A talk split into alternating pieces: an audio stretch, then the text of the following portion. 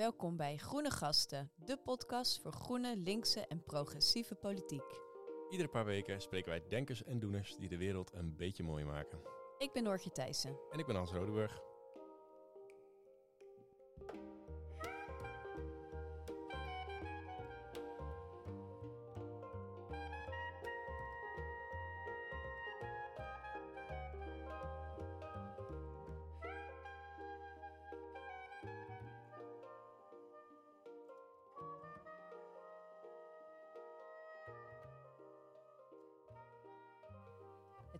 Uh, begint langzaam te dalen. We zijn naar uh, de verkiezingsbus geweest vorige week.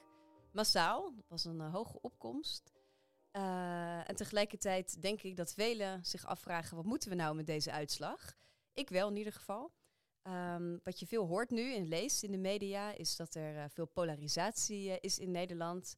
Um, dat is toch wel een beetje het buswoord bij de duidingen.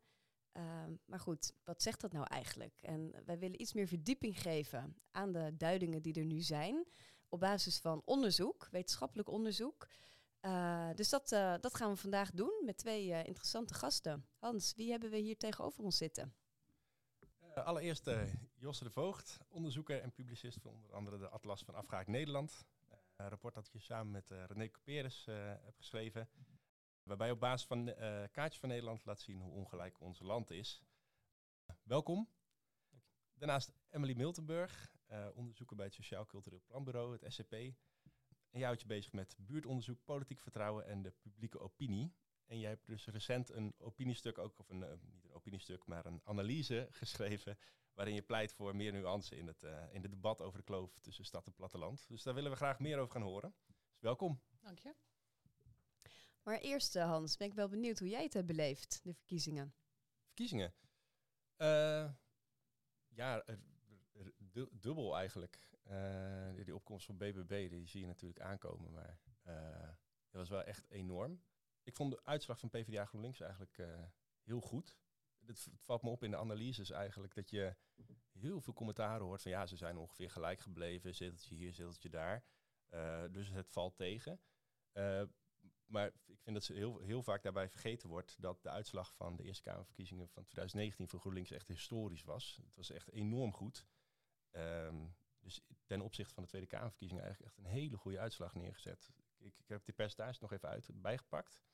GroenLinks is sinds de Tweede Kamerverkiezingen, daar hadden we 5,2% van de stemmen. En uh, nu was het 9,1%. Dus dat is echt echt wel een bijzondere uitslag. Dus natuurlijk wel de nuance bij dat, dat bij de provinciale staatverkiezing volgens mij GroenLinks-stemmers vaker naar de stembus komen dan van andere partijen. Maar toch uh, vind ik dat wel een nuance. En PvdA hetzelfde, 5,7 procent. Tweede Kamerverkiezingen en nu 8,2 procent. Dus ook, ook daar best wel grote winst. Toch het 1 en 1 is 3 effect. Ja, ik vind de samenwerking. Het, ja, ik vind het zo raar dat daar zo overheen wordt gekeken. Dat iedereen zegt, ja, te, nou, ze zijn eigenlijk gelijk gebleven ten opzichte van de vorige verkiezingen. Maar ja, wordt dan niet bijgezegd wat voor verkiezingen dat waren. Ja, ja goed punt. Mooi. Um, nou, ik ben ook wel benieuwd uh, wie wij hier tegenover ons hebben. Want nou ja, Hans, je hebt ze net goed voorgesteld, maar wie zijn jullie? Um, Emily, zou jij willen vertellen waar jij bijvoorbeeld bent geboren en of jouw onderzoek ook daaraan te relateren is, of jouw fascinatie voor dit onderwerp? Ik ben uh, geboren in Gouda, maar ik ben naar de basisschool uh, verhuisd naar Amstelveen. En uh, ik weet nog heel goed dat mijn mentor uh, toen zei, uh, hier komt een meisje uit de provincie aan mijn nieuwe klasgenoot. En daar snapte ik echt helemaal niks van, want ik dacht, ik kom toch gewoon uit de Randstad, dat begreep ik toen al wel. Uh, maar blijkbaar werd het in Amstelveen, ik woon nu in Amsterdam, toch als de provincie gezien. Um, en mijn onderzoek nu, doen onderzoek naar publieke opinie. Ik heb politicologie gestudeerd. Dat is wel echt begonnen in mijn middelbare schooltijd. voor tuinrevolte in 2002, dus had ik nog de middelbare school. En toen is mijn uh, politiek interesse uh, gewekt en dat heeft zich uh, ja, doorgezet. En mijn onderzoek is wel een paar keer geswitcht hoor, van onderwerpen. Dat zijn altijd een beetje de actuele thema's geweest. Dus ik heb veel buurtonderzoek gedaan, daar een proefschrift over geschreven. En dat was eigenlijk na de opkomst van de Vogelaarwijken. En daar wilde ik dieper induiken. Um, en daarna heb ik onderzoek gedaan naar integratie van statushouders, net toen de vluchtelingenstroom op gang kwam. En nu ben ik weer terug bij de politicologie. Dus ik uh, pak een beetje het momentum van uh, wat, er, wat er speelt. Josse, jij, jij hebt ook een, eh, een persoonlijke, persoonlijke relatie met het eigenlijk het onderzoeksthema waar je je op richt. op je web website schrijf je dat je persoonlijk betrokken voelt met de thema's ongelijkheid en diversiteit. Waar, waar, waar, waar zit die persoonlijke betrokkenheid in? Nou, het is deels gewoon fascinatie voor het thema, zorg ook rond het thema, maar ook wel ja, mijn eigen achtergrond. Dat ik ehm, ja, tijdens mijn studietijd chronische ziekte heb gekregen, ziekte van Vijver in CVS en mee overgegaan.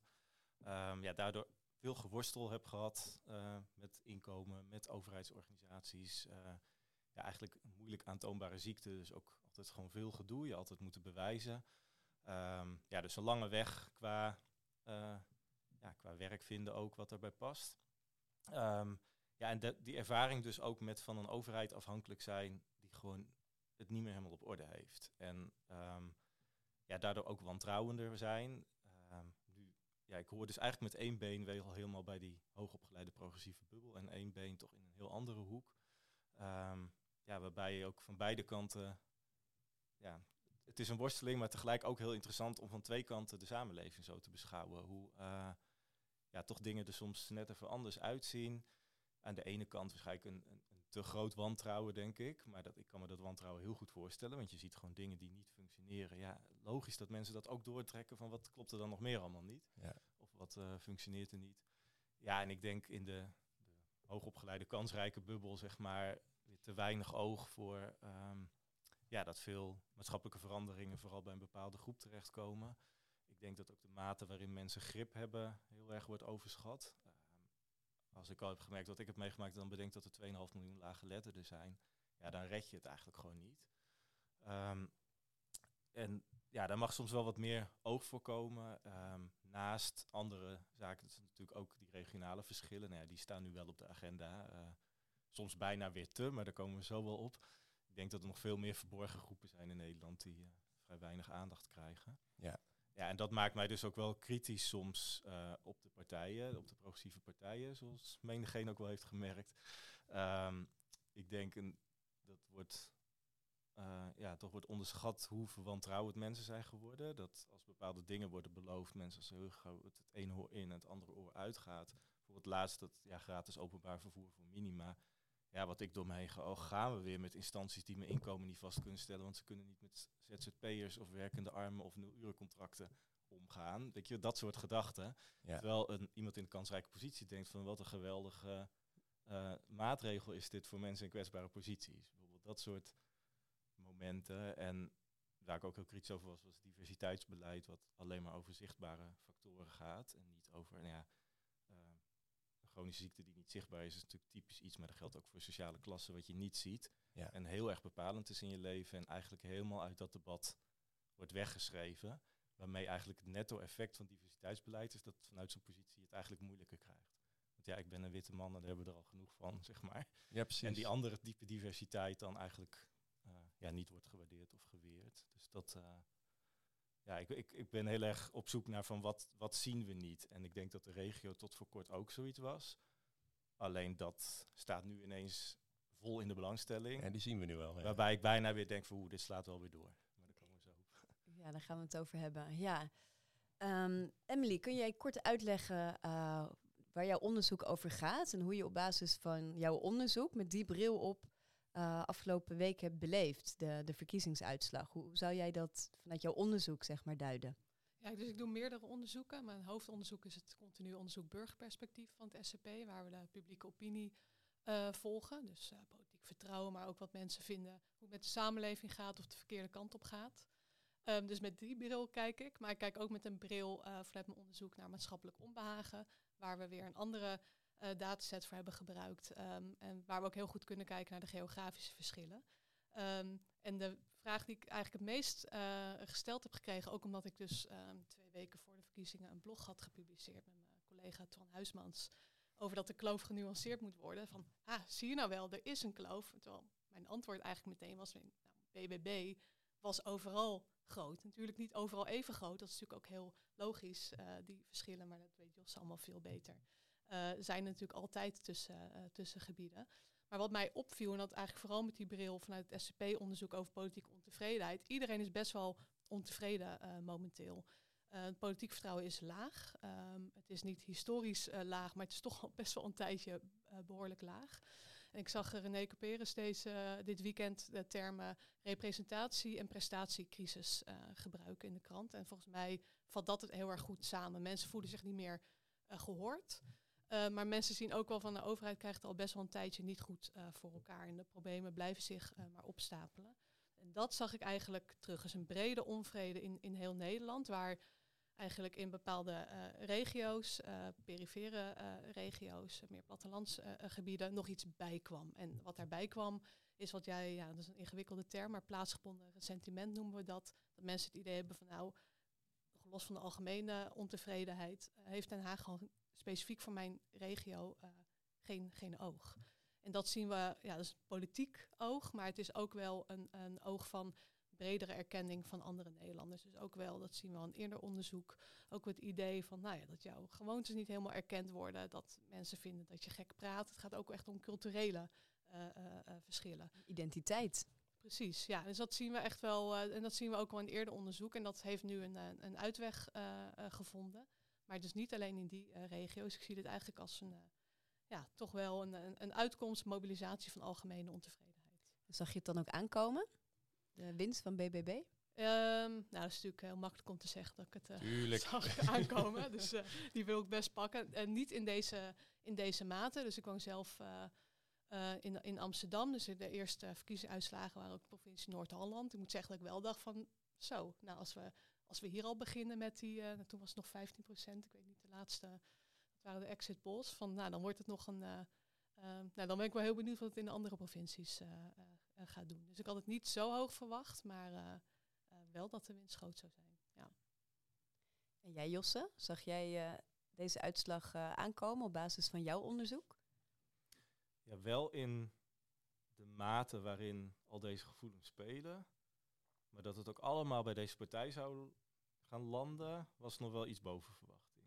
Maar van, um, ja, we weten al heel lang dat er heel veel zetels zweven en in deze hoek hangen. Dat is natuurlijk ook de omzicht, hoe hoog die al gepeild is. Um, dus ja, je weet dat dat er hangt. Uh, vraag was alleen, gaat dat zich in zo'n grote mate scharen achter een partij die zo expliciet uh, ja, toch dat platteland echt als, als ondertitel eigenlijk onder de, de partijnaam steeds zet. Ja, dat was wel even afwachten. Ja, je, zei, je zei in deze hoek, welke hoek is dat dan? Is dat dan de ehm. hoek waar dan PVV, uh, FVD ook worden geplaatst? Of is het nog een ander? Nou, ik denk, het is nog een beetje zoeken. Hè. Wat voor partij gaat dit nou zijn? Maar het lijkt.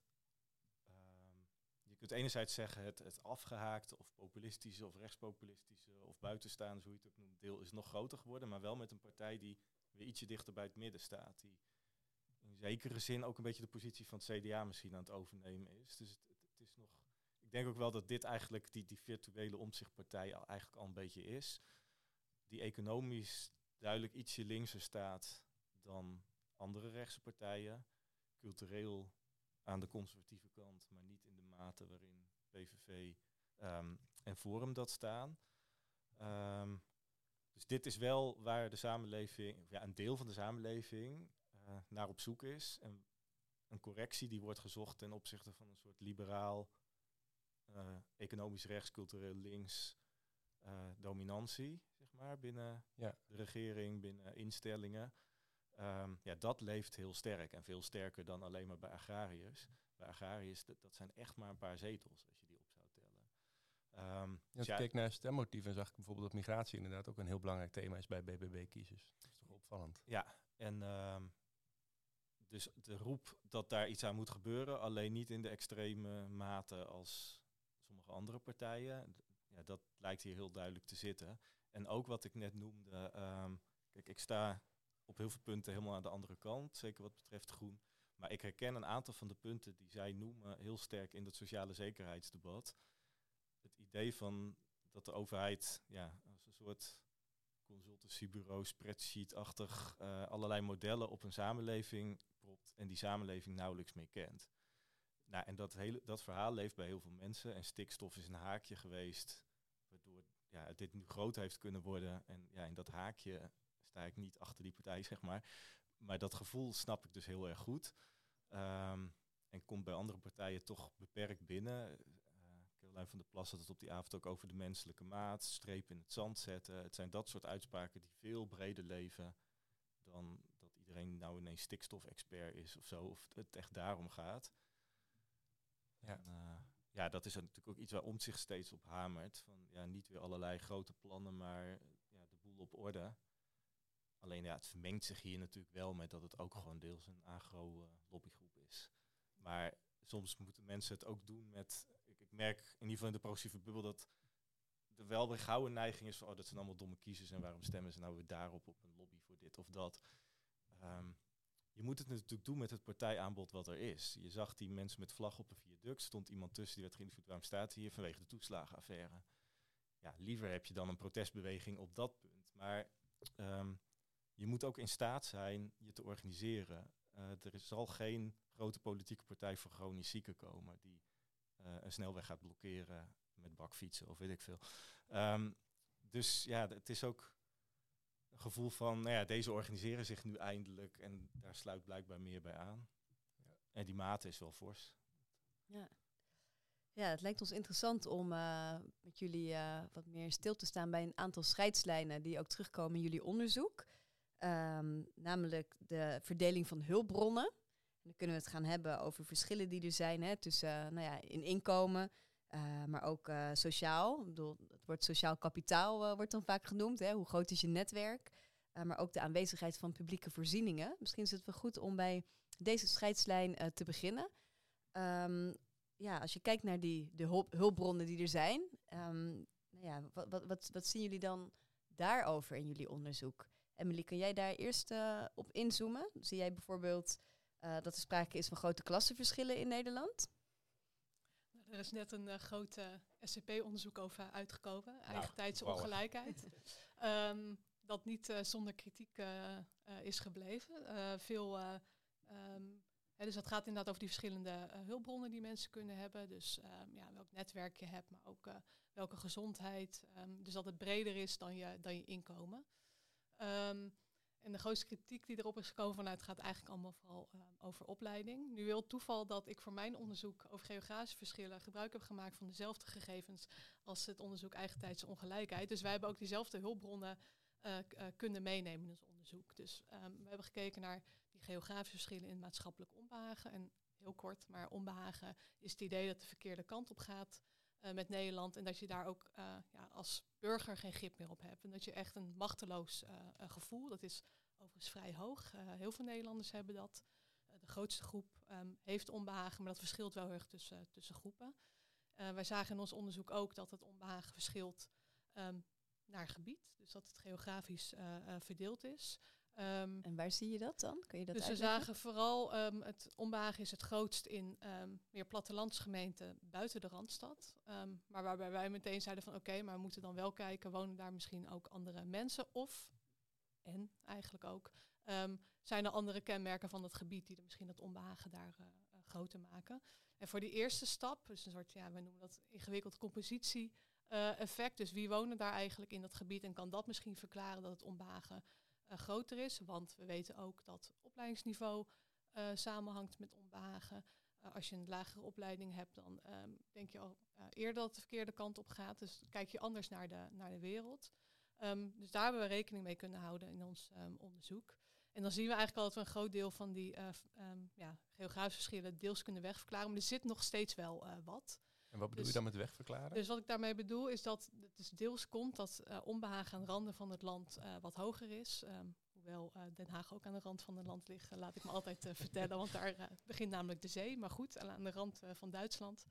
Um, dat in die meer perifere gebieden het onbehagen wat groter is, omdat daar nu simpelweg mensen wonen met een gemiddeld wat lagere opleiding, gemiddeld wat slechte gezondheid, gemiddeld wat minder sociale hulpbronnen, et cetera. Dat is altijd een beetje flauw om dat te hebben. We kunnen hier een heel statistisch spel van maken. Van nou, we verklaren het deels weg, dus er is niks aan de hand. Maar er is nog, nog steeds wel uh, onbehagen. Um, het gevoel wat het eigenlijk vooral uh, uh, verklaart, waarom het daar wat hoger is, is wat ik eerder noemde. Dat plaatsgebonden ressentiment. Het idee dat Den Haag geen oog heeft voor jouw regio, dat komt er eigenlijk nog eens bij daar. Um, en dat zien we eigenlijk dat dat misschien wel het grootste, ja, het, de grootste verklaring kan zijn van die verschillen. Om terug te komen op je vraag over, nou, is er nou scheidslijn in hulpbronnen? Waar wij een beetje over voor waarschuwen bij het SCP is van, oké, okay, bekijk het nou niet alleen in die uh, gebiedsverschillen, maar zie ook wel, en daar ging dat eerdere SCP-onderzoek ook over, uh, eigentijdsongelijkheid, dat die verschillen wel ook dwars door heel Nederland lopen. Dus eigenlijk ook haarscheurtjes zijn door, door heel Nederland heen. En dat ook in het laakkwartier men ook heel veel onbehagen kan hebben, heel politiek ontevreden kan zijn, slachtoffer van de toeslagenaffaire mogelijk, laag zit in de hulpbronnen en daarom uh, onbehagelijk is. Dus die scheidslijnen ja, lopen eigenlijk door, door heel Nederland heen. En die hoeven zeker niet altijd samen te vallen met, met een gebied. Dan vraag je daarover. Dus een tijdje terug was een onderzoek in de Groene Amsterdammer. Waarbij mm -hmm. ze eigenlijk hebben gekeken van waar vallen nou alle publieke voorzieningen mm -hmm. weg. En zagen ze dat in, in, in vooral in, in, in de dorpen eigenlijk heel veel publieke voorzieningen, zoals de bibliotheek en dat soort zaken, werden wegbezuinigd. Um, en zij zagen een hele sterke correlatie met ook een toename in stemmen op PVV en FVD en dat soort partijen. Uh, hoe, hoe, kijk je daar dan naar? Ja, dus wij hebben daar ook naar gekeken. Um, dus we hebben het verdwijnen van voorzieningen ook gemeten. Dat is trouwens nog niet zo heel erg makkelijk om dat uh, te doen. Ik ken, ik ken hun onderzoek goed. Um, maar ja, eigenlijk kijk je heel veel technisch, maar op gemeenteniveau van wat is de afstand tot voorzieningen. En die is de afgelopen tien jaar kleiner geworden. En wij hebben specifiek echt op persoonsniveau gekeken van in hoeverre uh, kan dat verklaren dat jij wat meer onbagen hebt dan, dan iemand anders die in een ander gebied woont of die andere hulpbronnen heeft, uh, um, et cetera. En wij vinden dan eigenlijk helemaal geen sterk verband. Um, waar wij zelf een beetje, dus geen sterk verband tussen het verdwijnen van voorzieningen en onbehagen. Waar we zelf eerlijk gezegd een beetje verbaasd over waren, Ja? omdat iedereen het erover heeft. Nou, dan kan je er een heel statistisch spel van maken van waarom wel of niet. Maar we zijn ook gewoon met mensen gaan praten. Uh, waaronder plattelandssociologen um, uh, en geografen. En sommigen verbaast het ook weer niet, omdat het verdwijnen van voorzieningen is ook wel onderdeel van een bredere maatschappelijke uh, trend. Het is ook gewoon onderdeel van de demografische trend. Mensen pakken nu eenmaal sneller hun auto om naar de, om naar de Jumbo te gaan. Ik sla even heel, heel erg plat hier, want ik snap natuurlijk dat het verdwijnen van de huisartsenpost en dat het ook iets doet um, met, met de erkenning die je waardeert. Uh, maar dat er niet altijd alle missies uh, gedaan hoeft te worden over het verdwijnen van voorziening, is een beetje het punt van uh, enkele geografen. Um, kijk, wij zeggen dat het vooral ook een politiek debat is in hoeverre je een bepaald, voor een bepaald voorzieningenniveau wil zorgen. Je kan natuurlijk zeggen, ongeacht wij nou wel of iets niet vinden in onze studie, is het natuurlijk een politieke keuze om te zeggen van nou wij vinden gewoon dat er op zoveel minuten rijden um, een huisartsenpost moet zijn of, of, een, of een school. Um, maar die ja, relatie met, met onbehagen vinden wij niet, uh, niet direct. Het stemmen op buitenstaanderspartijen om uh, Josse stem over te nemen, hangt ook gewoon samen met allerlei andere uh, factoren. Oké, dan ben ik natuurlijk benieuwd welke factoren. Uh, maar dan komen we misschien op als ze verder deze ui uh, gaan afpellen. Um, Josse, laten we dan bij jou even een andere scheidslijn pakken. namelijk de scheidslijn stad en platteland, of randstad en regio. Dat zijn natuurlijk twee scheidslijnen. Je doet veel ja, electoraal-geografisch onderzoek. wat, wat zie jij als je naar deze scheidslijnen kijkt? eigenlijk misschien eerst om te beginnen een hele grote nuance bij überhaupt, nog los van het onbehagen het bestaan van die tegenstelling. Um, mijn punt is altijd, de meeste mensen wonen in wat ik het middenland noem. Ik denk dat dat ook maakt van um, dat die groep die echt heel veel last heeft van verdwijnende voorzieningen op het platteland, getalsmatig gewoon echt maar heel klein is. Op een kaart ziet het er groot uit, want je ziet oppervlakte en niet inwonental. Maar heel veel dorpen waar de voorzieningen wat minder zijn, ja, liggen misschien maar op vijf kilometer van een stad of zo. Dus dan, kijk, waar dat echt speelt is bijvoorbeeld Zeeuws-Vlaanderen. Um, ja, waar je tegenwoordig geloof ik voor het UWV de tunnel door moest en vroeger niet of zo. Maar getalsmatig tikt dat gewoon allemaal niet aan. Um, en ook die grote stad met het cliché van de bakfietsende GroenLinkser met zijn uh, havermelk of zo. Ja, dat is ook maar een heel klein stukje Nederland. Um, en dat is natuurlijk heerlijk voor de media en ook voor politieke partijen, ook voor de wetenschap om daarop te letten. Um, omdat het gewoon interessanter is. Je kunt er mooie beelden schieten van clichéplekken. Ja. Maar het is niet waar de massa zit. En zelfs als je naar partijen kijkt. Turberg was altijd de hoogste CDA-score, nu de hoogste BBB-score. Ja, dan zie je al heel gauw met z'n allen gaan we daarheen om de typische CDA te vinden. Maar eigenlijk woont die typische CDA daar niet, want er zijn maar heel weinig van dat soort dorpen. Dus dan moet je soms naar een gewoon een gemiddelde plek gaan waar het CDA iets boven gemiddeld scoort. En ja, daar zit dan die grote massa. Dus eerder Woerden, Nijverdal, dat soort plekken. Um, en het gevaar is nu dat met dit debat uh, ja, het nog sterker in die uiterste gaat zitten. Um, terwijl dus de massa daartussen woont, die gebieden daartussen ook weer een hele diversiteit kennen van gebieden waar het beter gaat of minder goed gaat. En die uiteindelijk eh, ja, toch de, tussen wal en schip vallen. Want nou, ik, ik heb dit debat mede aangeroerd omdat ik vond dat er veel te veel aandacht naar de grote stad ging. Ehm, ja, nu loopt dat ineens heel erg uit de hand en neig ik tot weer wat remmen of zo. Ehm, omdat het in die dichotomie blijft. Dat, eh, oké, nou, nadat de stad al zoveel extra aandacht krijgt, gaat het platteland die nu waarschijnlijk ook krijgen. Ja, ik, ik voorzie nu echt een soort geografische politieke correctheid of zo. Dat, het wordt nu een moedje dat er altijd iemand uit de regio, weet je wel, altijd reportage daar. En dan, ja, dan krijg je straks heel veel Amsterdam en heel veel Urk of zo. En nog steeds geen etteleur. Um, dus het, het, is zaak dat te gaan bewaken. En boven de clichés eigenlijk, ja. hè? Ja, ja zowel clichématig, dat we platteland ook gaan neerzetten als de manier hoe je dat dan zou willen zien. Dan wel de, de randstedeling die op safari gaat, dan wel een lobbygroep op het platteland die denkt namens het hele platteland te spreken, maar dat niet per se spreekt. Um, dus ja, dat het te clichématig wordt en gewoon qua verdeling van aandacht gewoon scheef. En dat is ook voor politieke partijen belangrijk. Want als jij op die twee uitersten gaat mikken, um, en denkt dat dat de uitdaging is dat te combineren, daar win je dus geen verkiezingen mee, want die massa zit toch in dat midden. Maar toch, eh, nou ja, even een vraag uh, ter verduidelijking hierop. Want de kiezer zit in het midden. Maar dat is in deze uitslag niet te zien. Je ziet juist, het lijkt erop dat de kiezers naar de flanken zijn gegaan. Nee, het speelt ook absoluut wel. Het was even een belangrijke nuance uh, tussen hoe ik zie dat het debat nu loopt.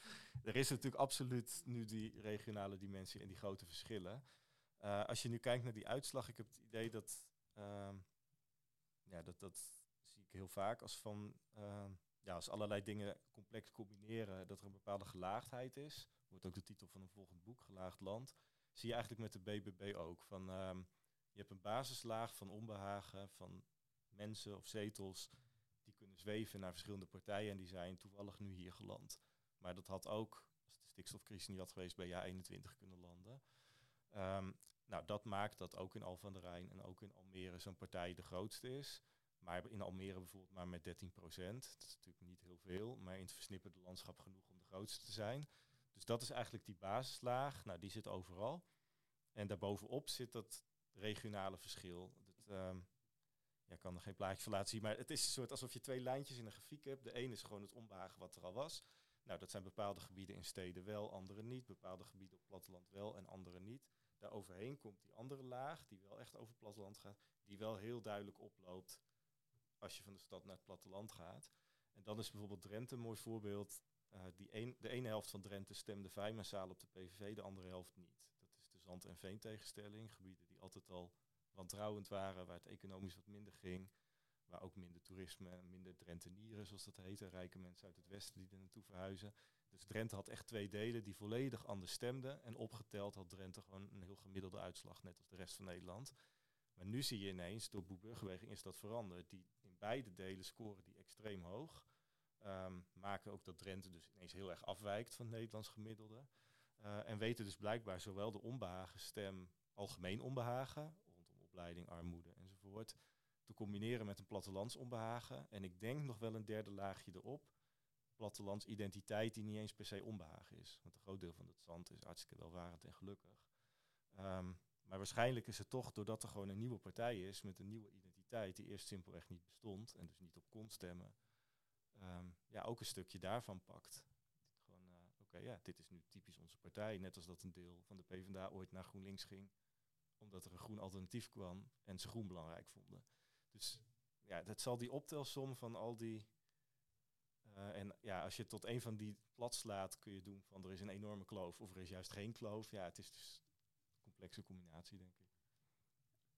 Ik vind die, ik vind die, ik vind die derde groep die je noemde ook wel heel interessant. Omdat inderdaad, die, die krijgt nu in de beeldvorming heel erg. Het is een proteststem door mensen die zich niet gehoord voelen. Maar dit, dit lijkt ook wel een groep te zijn die met wie het leven verder prima gaat, maar het is meer gewoon een identiteitskwestie van de, ik, ik voel me aangesproken op mijn identiteit en daarom, daarom ga ik stemmen. Ja, dat zijn partijen ook gewoon deels. En natuurlijk die andere zaken ook. Maar ja, er komt iets waar je je beter bij thuis voelt. Dat kan net zo goed Volt zijn, of bij één bijvoorbeeld. Ja, vertolken ook geluiden die voor een groot deel al in partijen aanwezig zijn, maar waar blijkbaar toch vooral een grote groep jonge kiezers zich meer bij thuis voelt. Um, dus ja, we hoeven niet die hele volle 17 zetels in de Kamer als één homogene boerenpartij proteststem te zien of zo. Er zit ja, allerlei subgroepen achter. Emily, een vraag voor jou. Ik, ik zat een beetje te kijken naar hoe, hoe ziet de samenstelling, hoe, hoe ziet de gemiddelde boer-burgerkiezer er nou uit? En ik zag dat er echt een heel groot deel van, de van, de, van die kiezers ehm, eh, ouder is dan 50. 70% van de BBB-kiezer is ouder dan 50. Zie, zie jij daar een belangrijke scheidslijn?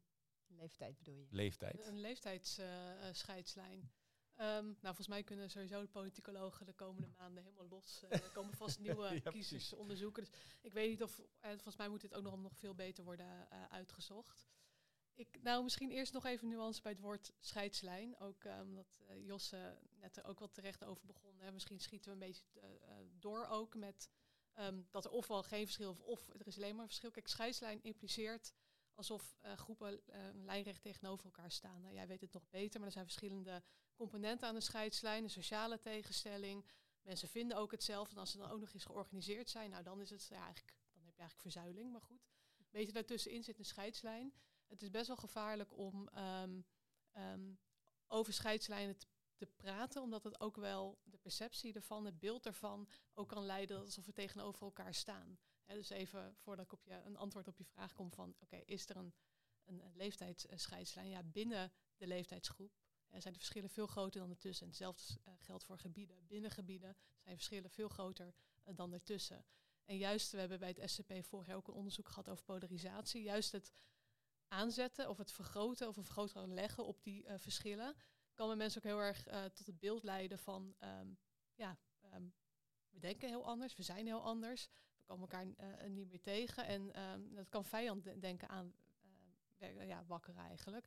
Dus ook door nu al de BBB op de basis van de weinige data die we hebben, de BBB stemmer al als, nou ja, laat ik het maar zeggen, als een, een boomer neer te zetten, vind ik ook wel, vind ik ook wel lastig, omdat het, ja, Jos eigenlijk net al zei, het is geen homogene groep. Het is niet voor niks, uh, heeft het nu 17 zetels, uh, omdat er gewoon heel veel verschillende mensen om verschillende redenen om hebben, op hebben gestemd. En volgens mij is die nuance, los van de stad-platteland nuance, ook nog wel nodig in dit uh, debat. Ja, dus moeten stoppen met het woord scheidslijn, het woord kloof, maar veel meer gaan praten gewoon over verschillen binnen die groepen. Ja, en uh, wat ook redenen zijn, uh, zeer divers zijn ook terechte redenen waarom mensen politiek ontevreden uh, zijn op zo'n partij kunnen stemmen. Ik zou zelfs mijn vraagtekens willen zetten bij het woord proteststem. Want waarom is dit een proteststem? je hebt vaak een inhoudelijke reden om op een partij te stemmen. Natuurlijk is het deels een protest, omdat je het niet eens bent, maar dat is wel degelijk een inhoudelijke reden. Het is niet flauw van ik ga even rebels op BBB stemmen. Mensen hebben echt inhoudelijke terechte zorgen. En volgens mij moeten we die heel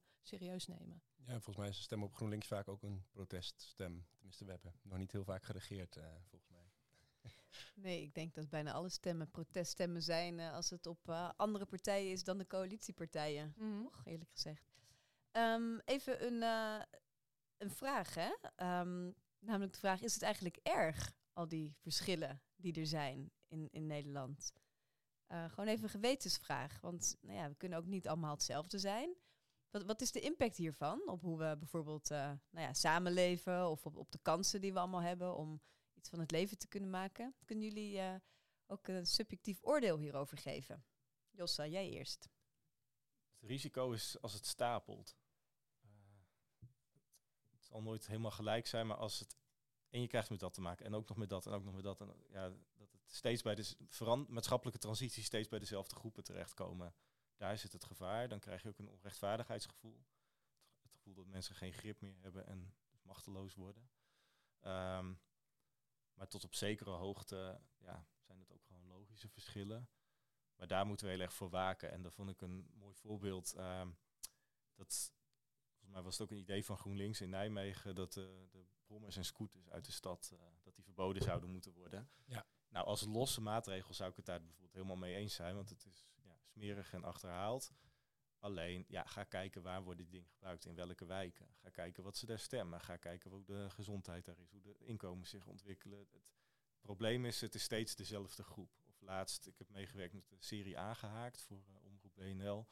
Uh, waar we in Velsen Noord, waar dus een uh, schip met asielzoekers ligt. En zo'n journalist uit de buurt die vat het samen van, nou dit is echt geen vreemdelingenhaat dat hier nu kritiek op is. Maar het is dat het, deze buurt is al zo kwetsbaar en al zoveel komt hier te liggen. Waarom ligt dat schip niet aan de overkant, in de dure burenwijken, zeg maar.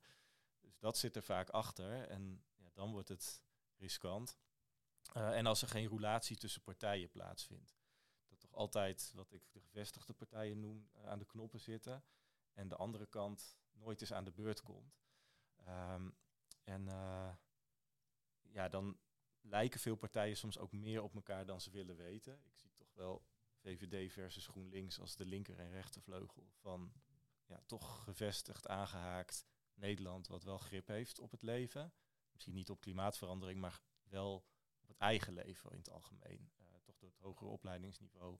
Ook al is men nu nog niet per se rijk, men, men zit meer aan de knoppen waar het naartoe gaat. Um, en ik denk dat we die scheidslijn wel echt over het hoofd zien en uh, ja, zich ook verdiept. Dat is deels een kwestie van inkomen, deels een kwestie van opleiding en deels uh, ook regionale verschillen. En nou, wat dat betreft was een heel mooi onderzoek laatst uh, van het SCP over ja, die verschillende klassen. Het is dat deels dus een inkomenskwestie is, maar ook wel ja, manier van kleden, bepaalde taal, of je er wel of niet bij hoort. Ook dat hoeft allemaal nog niet zo erg te zijn als er goede vertegenwoordigers zijn. Je kunt als reactie zeggen van ja, de hele samenleving moet precies afgespiegeld worden. Het kan ook zijn, je hebt kanalen naar boven nodig uh, ja, gelijkwaardig mee te nemen in het regeringsbeleid. Dat was denk ik vroeger de verzuiling. Want kijk, we kunnen nu heftig doen van oh wat erg die polarisatie en die verschillen in stemgedrag tussen gebieden. Nou ja, ga kijken naar de jaren zestig de volledig katholieke of protestant stemmende dorpen. Of mijn moeder die niet op de gym mocht, want de gym was katholiek en zij waren protestants. Was ook heel gesegregeerd. Alleen al die zuilen hadden hun vertegenwoordiging naar boven. Dat mist nu een beetje bij toch wel de meer praktisch opgeleide groepen. Of mensen die kampen met hun gezondheid. Of ja, tot voor kort de regio. Um, ja, dat, dat, die, dat je een ander soort verzuiling van hoog tegen laag opgeleid eigenlijk Diploma-democratie ja. wordt het wel genoemd. En dan raakt een bepaalde balans uh, wel zoek. En jij, uh, Emily, wat is volgens jou het probleem hierbij? Of is er geen probleem bij de tegenstellingen die er zijn? Nee, er is wel een, een probleem in die zin. Nou ja, wat Jos al zei, verschillen zijn er natuurlijk altijd. Uh, gescheiden leefwerelden zijn er ook altijd. Uh, ik heb zelf veel buurtonderzoek gedaan. Nou, dat weet Josse natuurlijk ook. Is heel veel segregatie naar buurt, dus waar mensen wonen. Deels gaan mensen ook net op andere clubjes. Hè. Dus er zijn wel gescheiden uh, werelden in die zin, maar er zijn ook gescheiden belevingswerelden. En dat lijkt misschien nogal uh, sterker te worden. Dus je noemde net al de diplomademocratie. Um, ja, het feit dat hoger opgeleiden heel goed weten inderdaad hoe je te gedragen, maar dat ook nog eens volledig in Den Haag uh, terugzien. Hè, er komt nu wel een beetje een, counterbeweging op gang dat de rol van ervaringsdeskundigen steeds belangrijker moet worden. Tim Jongers met zijn spreidstand, dat, dat het wel echt belangrijk is om ja, te weten wat er speelt bij burgers. En Josse gaf in het begin van de podcast een aantal mooie voorbeelden.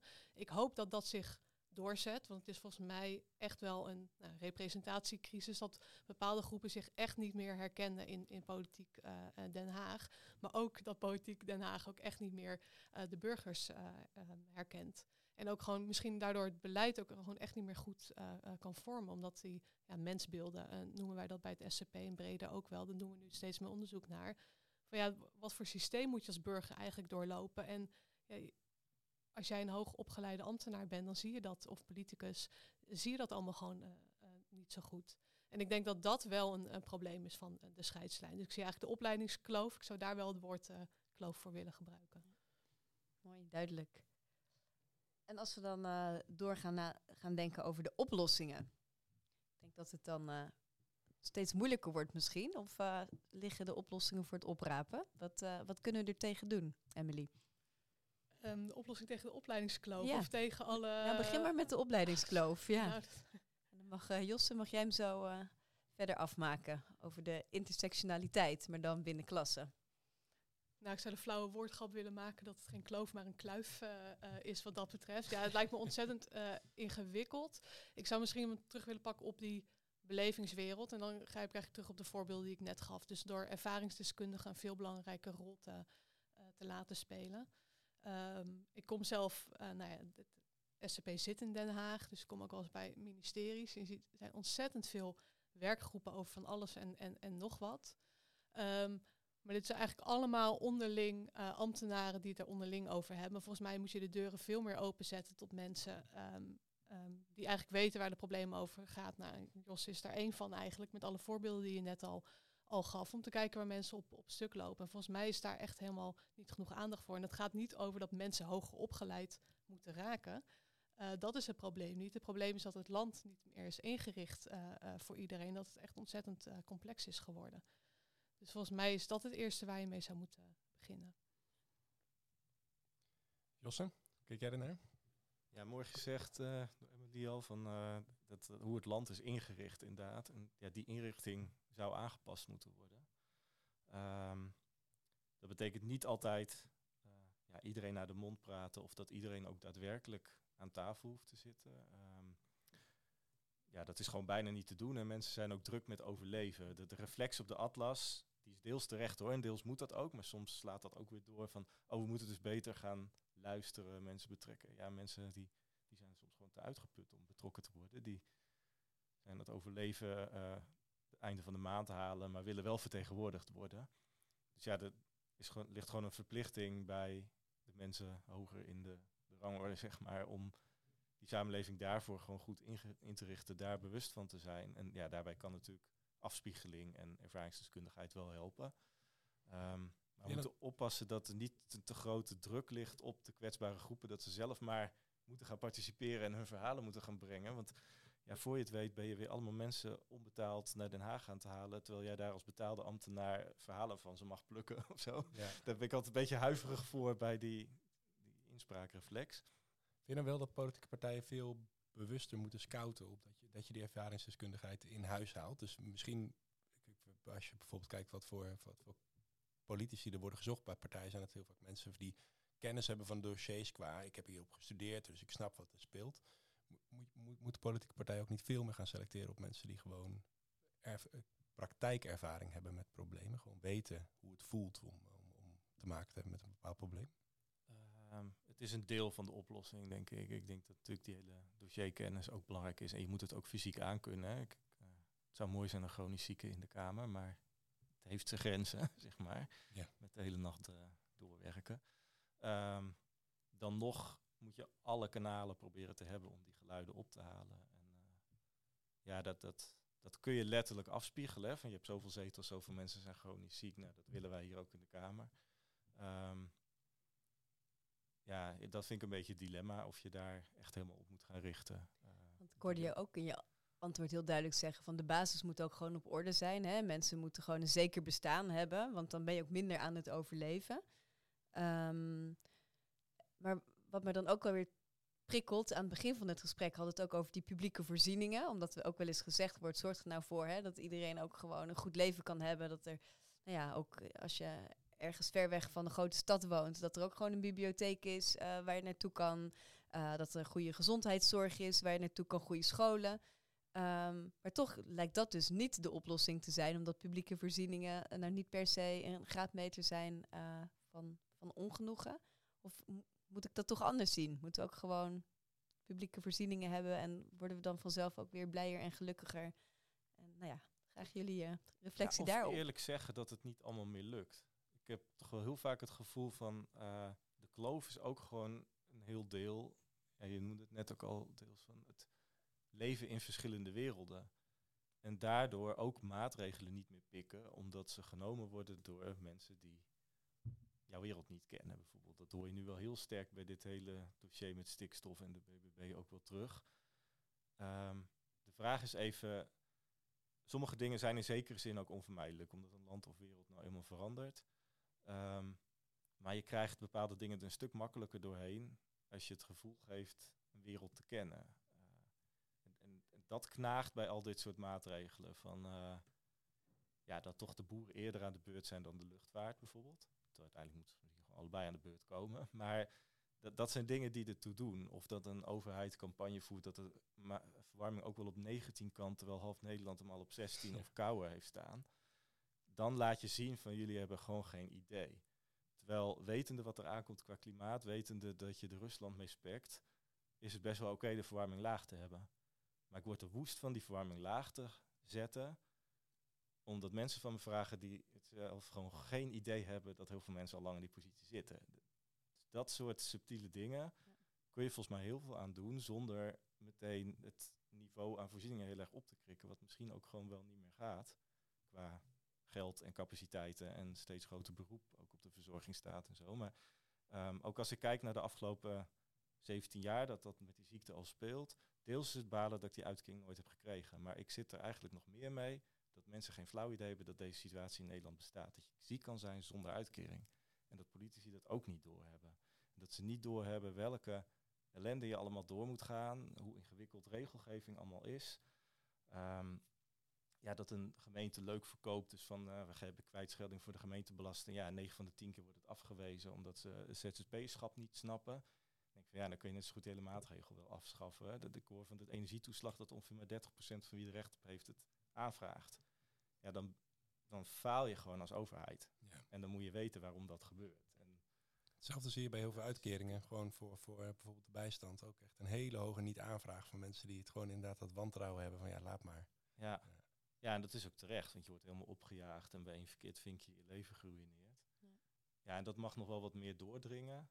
En dan, ja, daarna komen we wel, wat kunnen we er voor oplossingen voor verzinnen? En die, ja, dat is toch wel meer nadruk op eerst de boel op orde voordat je nieuwe dingen... Dat was in ieder geval mijn gevoel bij dat gratis OV.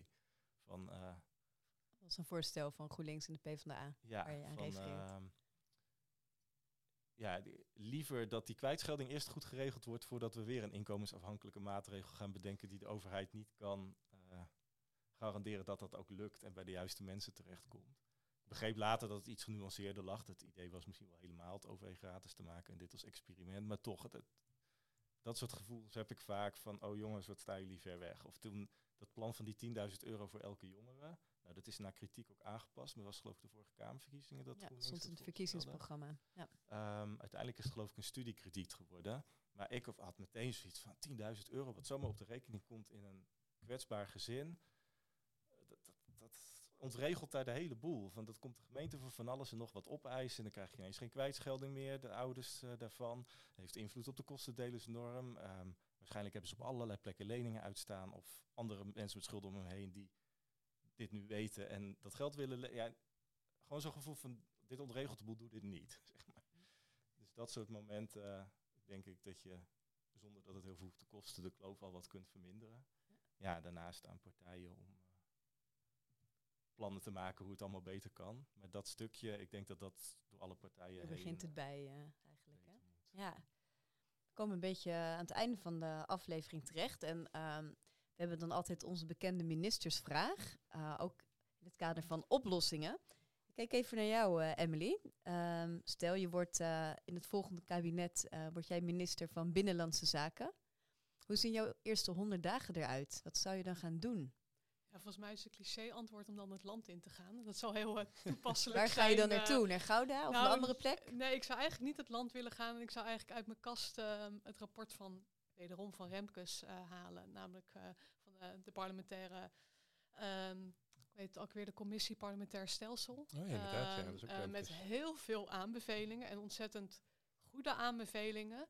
Die volgens mij echt nog te veel in een la of hoog in de kas eh, eh, ligt. En daar is heel serieus mee aan de, aan de slag te gaan. Noem eens zo'n aanbeveling die jou dan aanspreekt. Zoals het, eh, het correctief eh, referendum, eh, zoals ehm, het, het burgerberaad, waar ik meteen allerlei mitsen en maren bij heb. Waar het SCP trouwens ook met een notitie over komt. Omdat juist, en Jos hint er ook al even op, juist de mensen die eh, onbehagelijk zijn of met hele andere dingen die bezig zijn met overleven, hebben echt geen zin om in een een burgerberaad mee te doen. Dus die winstwaarschuwing wil ik wel al meteen geven. Maar mensen willen wel aan een noodrem kunnen trekken. En een correctief eh, referendum is er vrij snel eh, uitgedrukt, maar dat kan een van die, eh, een van die middelen zijn.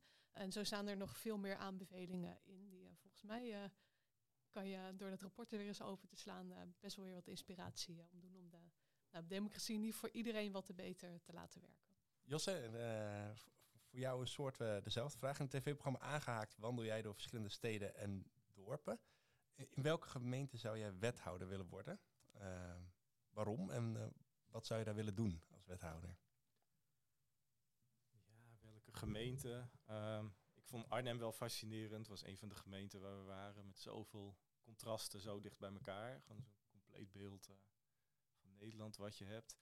Ik zou in ieder geval, eh, ja, ook als wethouder, als ik er de tijd voor zou hebben, flink gaan wandelen. Dat je ja, gevoel krijgt voor alle verschillende gebieden. Ook voor het, het gewicht van verschillende gebieden. Van niet alleen maar dat je door een brandje te blussen ergens komt, gewoon een verhouding krijgt, goede, goed beeld van de verhouding van je stad krijgt. Oh ja, zoveel mensen wonen zo of zo of zo. Ehm, wat betreft maatregelen, ja, vooral die sociale zekerheid, eh, ja, dat echt een stuk beter gaan ordenen. En daarin zekerheid boven het bedrag stellen. Van, je hebt liever 800 die je mag houden dan 1000 die je misschien terug moet betalen. Zeg maar dat even als uitgangspunt. Ehm, dus natuurlijk deels landelijk beleid. Maar als wethouder kun je ook richting landelijk lobbyen met wat je aan je gemeente ziet misgaan. Ehm, ja, dus op dat vlak uh, proberen toch verbeterslag uh, aan te brengen. En soms ook nee zeggen tegen wat ik dan de gevestigde noem.